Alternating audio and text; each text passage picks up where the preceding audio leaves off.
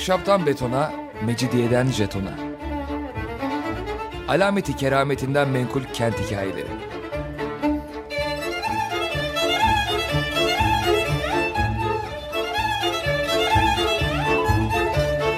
Hazırlayan ve sunan Pınar Erkan.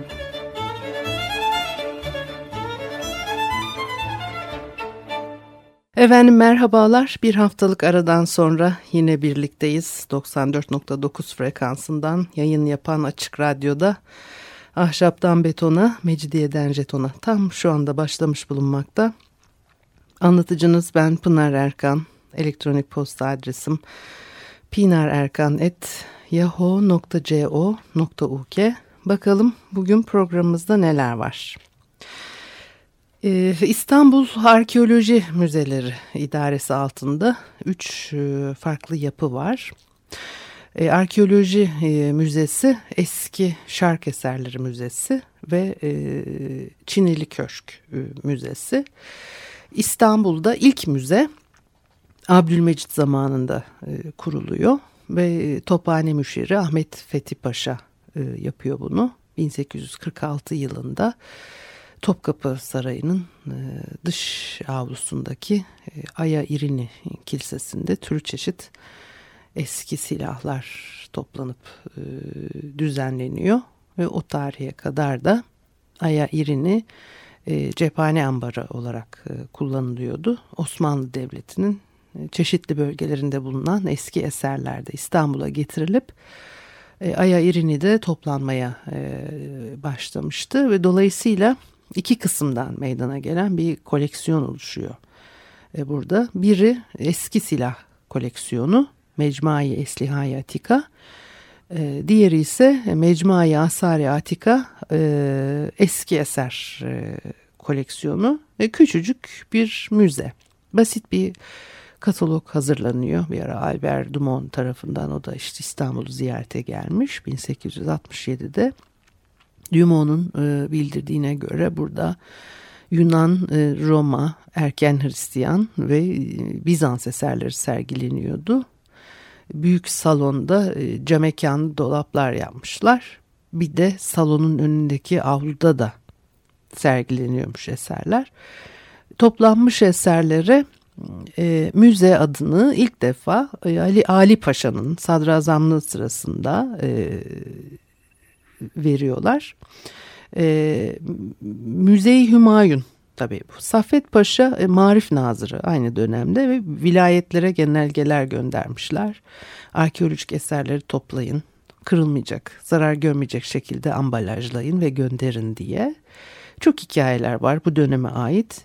1872 yılında e, Doktor e, Philip Anton Detier diye bir Alman e, müze müdürü olarak atanıyor. Bu Alman müdürü müze 1847 senesinde Sultanahmet'teki yılanlı sütunu çıkarmış meydana. O arada e, Şiliman e, Truva'da hayallerinin peşinde koşuyor. E, Truva'da bulduğu eserleri Yunanistan'a götürmüştü.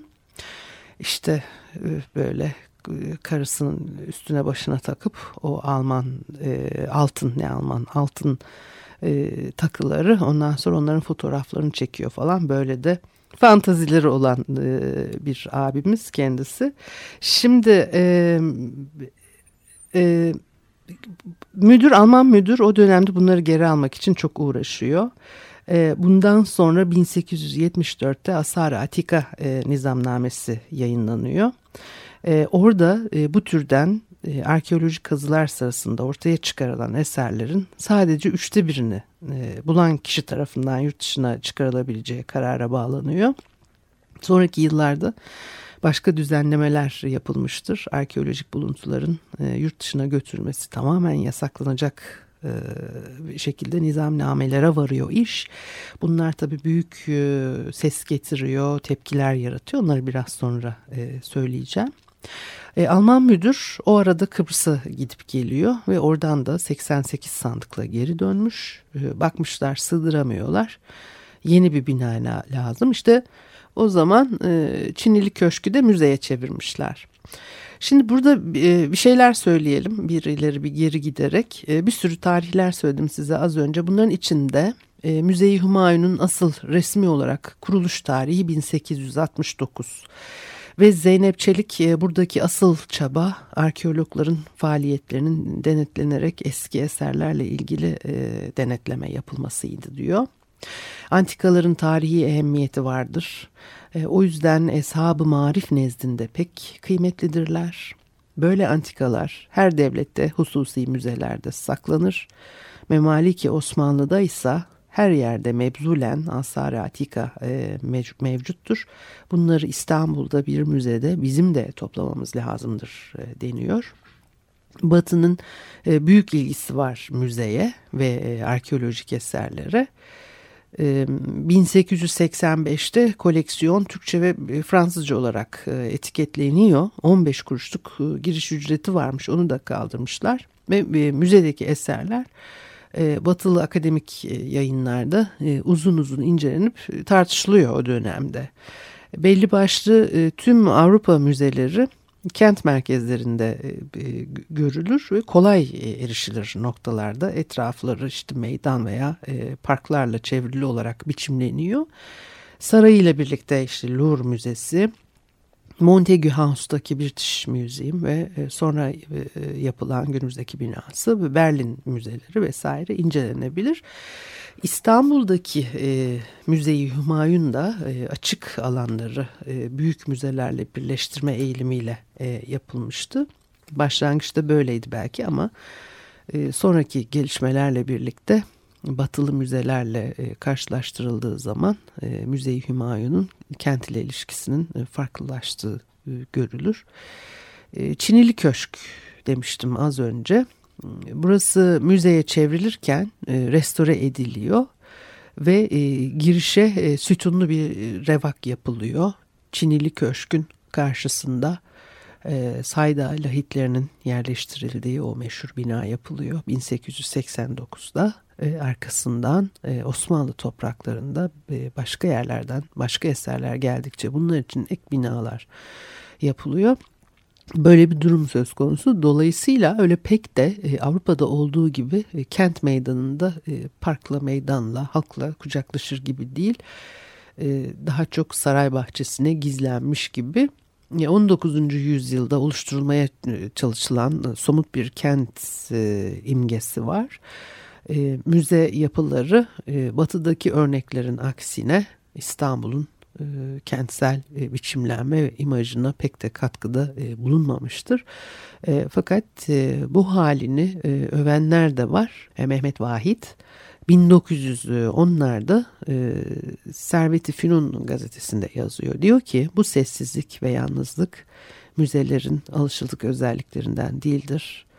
Ee, Osmanlı Devleti'nin başkentindeki en heyecan verici, en canlı ve en hoş yerde bulunmasına karşın sokakların karmaşasından uzakta, ağaçların koyu yeşil renkleri arasında huzurlu filan.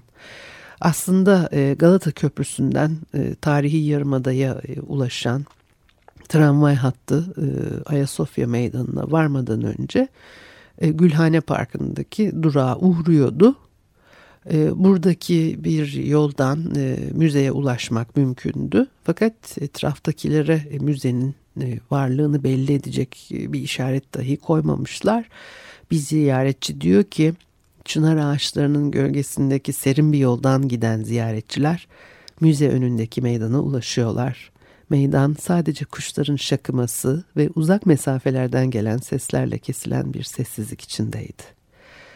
Ee, Batı'nın kafası da karışık e, müzeyle ilgili olarak 20. yüzyılın hemen başlarında e, New York'taki Metropolitan Museum of Art e, müdürünün kulağına bir söylenti geliyor. Osmanlı Asar Atika eserlerini satışa çıkaracakmış diye. 1913'lere doğru oluyor bu. Amerikalı varlıklı bir koleksiyoncu almaya talip. Acaba gerçekten öyle midir değil midir diye Amerikalı abiler tartışıyorlar e, kendi aralarında. E, biri diyor ki eğer bu gerçekse harekete geçelim. Öbürü de diyor ki eğer Türkiye başkentini elinde tutmak için yüksek bir tazminat ödemek zorundaysa topu topu 100 e, Türk'ten fazlasını ilgilendirmeyen nesnelerden vazgeçmeye istekli olabilir. E, bu. Şimdi işin çok acilen çözülmesi gerektiğini de belirtiyorlar. Çünkü Almanya ve Avusturya İskender'e ait diye e, bilinen Lahti almak için İstanbul hükümetine iyi bir teklif vermeye hazırlanıyormuş e, İskender'in lahdi olduğu söylenen lahit e, müzenin en kıymetli parçası o dönemde ve işte Türkiye başkentini elinde tutmak için bunları da satar savar. Zaten 100 kişiden fazlasının da umurunda değil bunlar diye kendi kendilerine yorumlar yapıyorlar. E, birkaç hafta sonra e, müze müdürü Londra'daki adamına telgraf çekiyor. Türk hükümetinin e, İskender'in Lahdi de e, dahil olmak üzere İstanbul'daki müzenin e, bütün koleksiyonunu mantıklı bir fiyata satacağına inanmak için yeterince sebebimiz var diyor. E, koleksiyonu toptan almak istiyorlar. İkinci meşrutiyet hükümeti e, iflas etmiş e, o dönemde. E, bunlar satar ellerindekini diye düşünüyor Amerikalılar. Sonra ne oluyor? Tabii ki de e, söylentinin gerçek olmadığı ortaya çıkıyor. Zaten Lahit de İskender'in Lahti değilmiş. Evet bir müzik arası verelim. Ondan sonra e, devam edelim.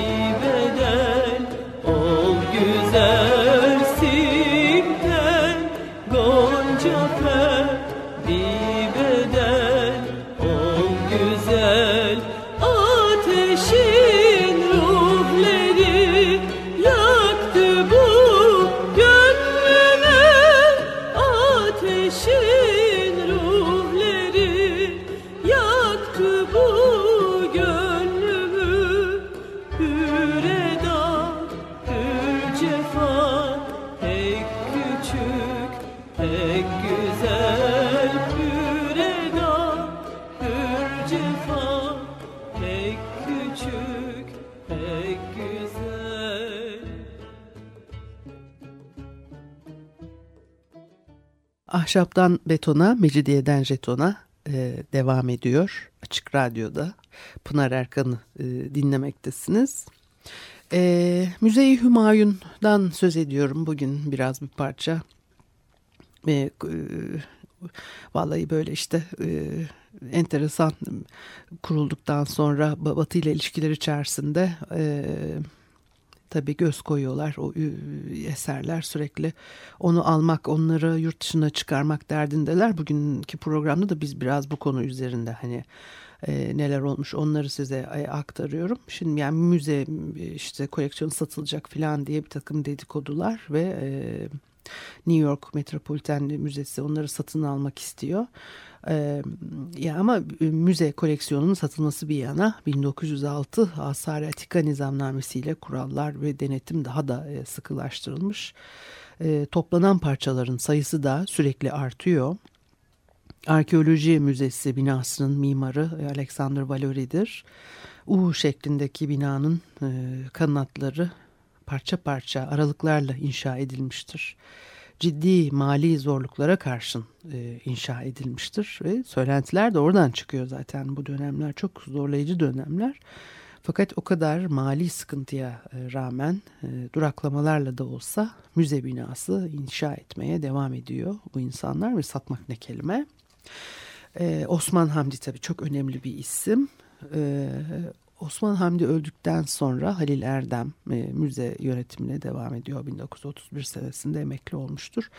O da e, aynı e, misyonu devam ettiriyor. Fakat ya o tarihlerde bu işte satış e, dedikoduları filan çıkmış. E, Sanayi Nefise Mektebi 30 yıldır e, eğitim veriyor ve Osman Hamdi öğrencilerin eğitiminde son derece önemli bulduğu için, elzem bulduğu için Avrupalı sanatçıların resimlerinden bir koleksiyon kurmuştur. Onu da şöyle yapıyor, yapıyorlar, yapabiliyorlar. Eserlerin orijinalleri satışta olmadığı için, ya satışta olsalar bile müzenin bunları almaya gücü yetmeyeceği için Berlin, Paris, Münih, Viyana gibi kentlerdeki en ünlü galerilere danışarak bir dizi yabancı sanatçı seçiyorlar.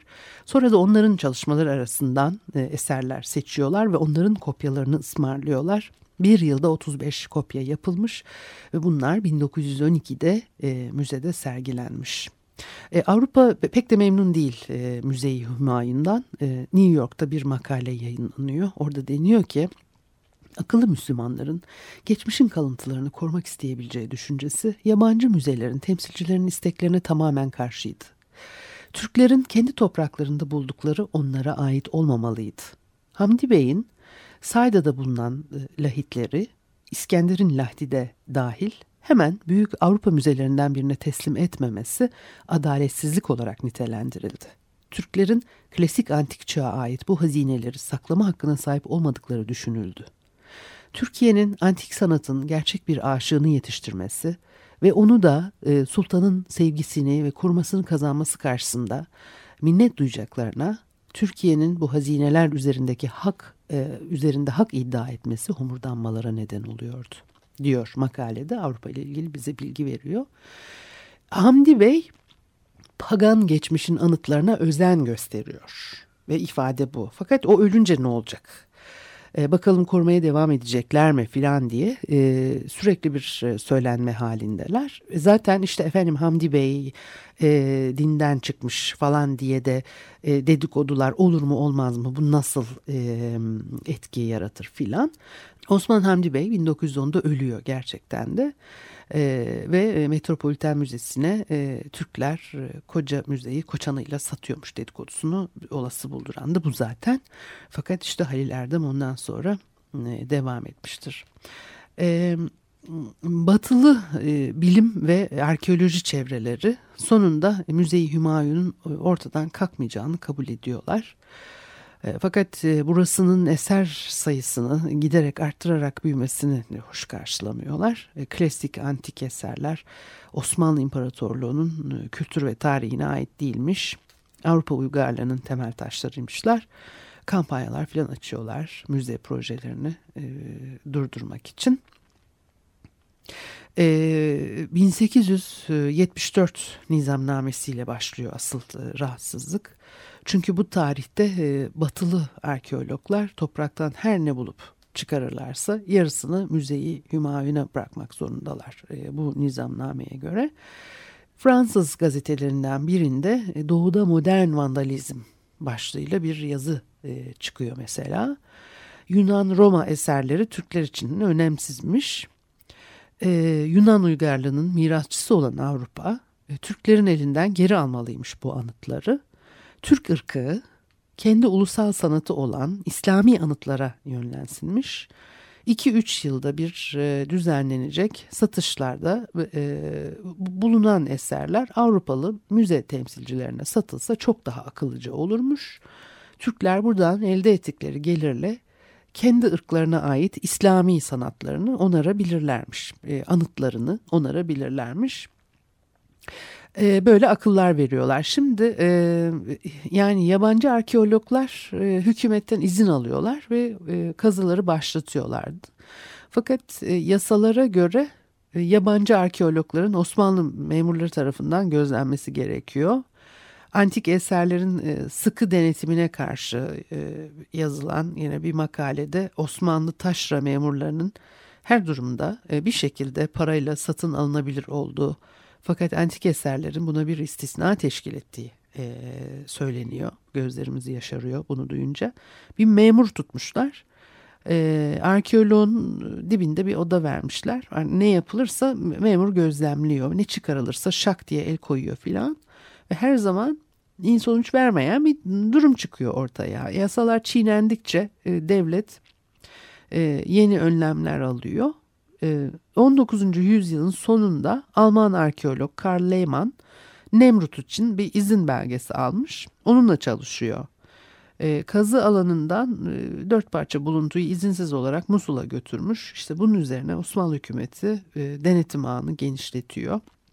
Bu olay olana kadar e, vilayetlerdeki en yüksek dereceli memurları e, bu işle görevlendiriyorlarmış. E, bundan sonra e, vali kaymakamdan tutun da e, rüştiye öğretmenleri, e, polis, jandarmayı da dahi e, görevlendirmeye başlamış. E, üstelik e, görev tarihi ve e, tanıtımı, tanımı yapılmış. Bekçiler ziyaretçilere sahada geçirdikleri bütün süre içinde eşlik edecekler ve en küçük bir taş bile almadıklarından emin olacaklar. Kazı alanının ve eserlerin fotoğrafların çekilmesi de yasakmış. Fotoğraf çekemezsin. Kalıp çıkarmaya zaten kalkışamazsın. Fakat tüm bunlar yine de eser kaçakçılığını e, durdurmaya yetmiyor. Arkeologlar, hükümet memurları ve işçiler sürekli bir hareket halindeler. Herkes birbirini gözlüyor. E, kazı çalışmalarında kullanılan yöntem, teknoloji de bazen e, sorun olabiliyor. Mesela işçiler alışkanlıklarını değiştirmek istemeyebiliyor. 1870 senesinde bir arkeolog Kıbrıs'taki Rum köylülerden yakınıyor. Kazma için kazmak için işte demir kürek getirmişler e, atıkları da tekerlekli arabalarla taşıyacaklar. Fakat işçiler bunu bir, bir türlü yanaşmıyorlarmış. Kazdıkları toprağı bir iple omuzdan sarkıtılan yerel sepet yöntemiyle e, taşımakta ısrarcılar e, deniyor. Zaman içinde bütün büyük e, kazı alanlarında zorunlu hale geliyor bu. Babil'deki iştar kapısında kazılara başlamadan önce yapılan ilk iş ray döşemekmiş ve Sardis'te dev mermer blokları kaldırıp taşıyacak vince bir yerden bir yere aktarmak için trene ihtiyaç duymuşlar. Bu ciddi bir sorun haline geliyor. Treni Sardis'teki kazı alanına getirebilmek için demir yolu ray döşemek gerekli. E, oysa bölgede demiryolu imtiyazı işte Reji Demiryolları şirketine ait ve kısacık mesafede bile olsa bir yere demiryolu döşemeye kalkarsan anlaşma kurallarına göre şirketin alanına girmiş oluyorsun ve yapamazsın yani. Ne yapacaksın peki? Demiryolunu 100 metrelik parçalara bölmüşler. Kazının e, mühendis ekibi dış yardım almaksızın Sardis'ten ve kazı alanına kadar Paktolos'un kıyısı boyunca bir yol yatağı inşa etmiş ve lokomotifin, lokomotif bincinin e, parçalarını bir araya getirmiş, vagonlar ortaya çıkarmış, bir tren yapmış. Ve ondan sonra da bir tren 100 metre gidince duruyor. İşçiler rayları sökerek tren lokomotifinin önünden bir 100 metre ray daha düşüyorlar. Arkadan söküp söküp öne düşüyorlar. Tam 10 gün devam etmişler bunu yapmaya ve 11. gün çiçek ve yeşil dallarla süslenmiş lokomotif kazı alanına varmış. Evet böyle böyle hikayeler bu, bu e, sayda lahitlerinin de nasıl bulunduğunu e, onun hikayesini bir başka programda belki anlatırız. Bu haftalık da bu kadar olsun. Önümüzdeki hafta görüşene kadar hoşçakalınız.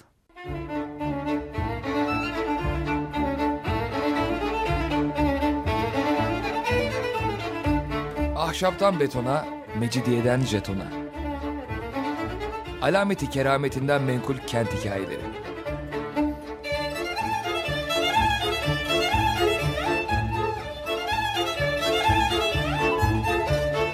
Hazırlayan ve sunan Pınar Erkan.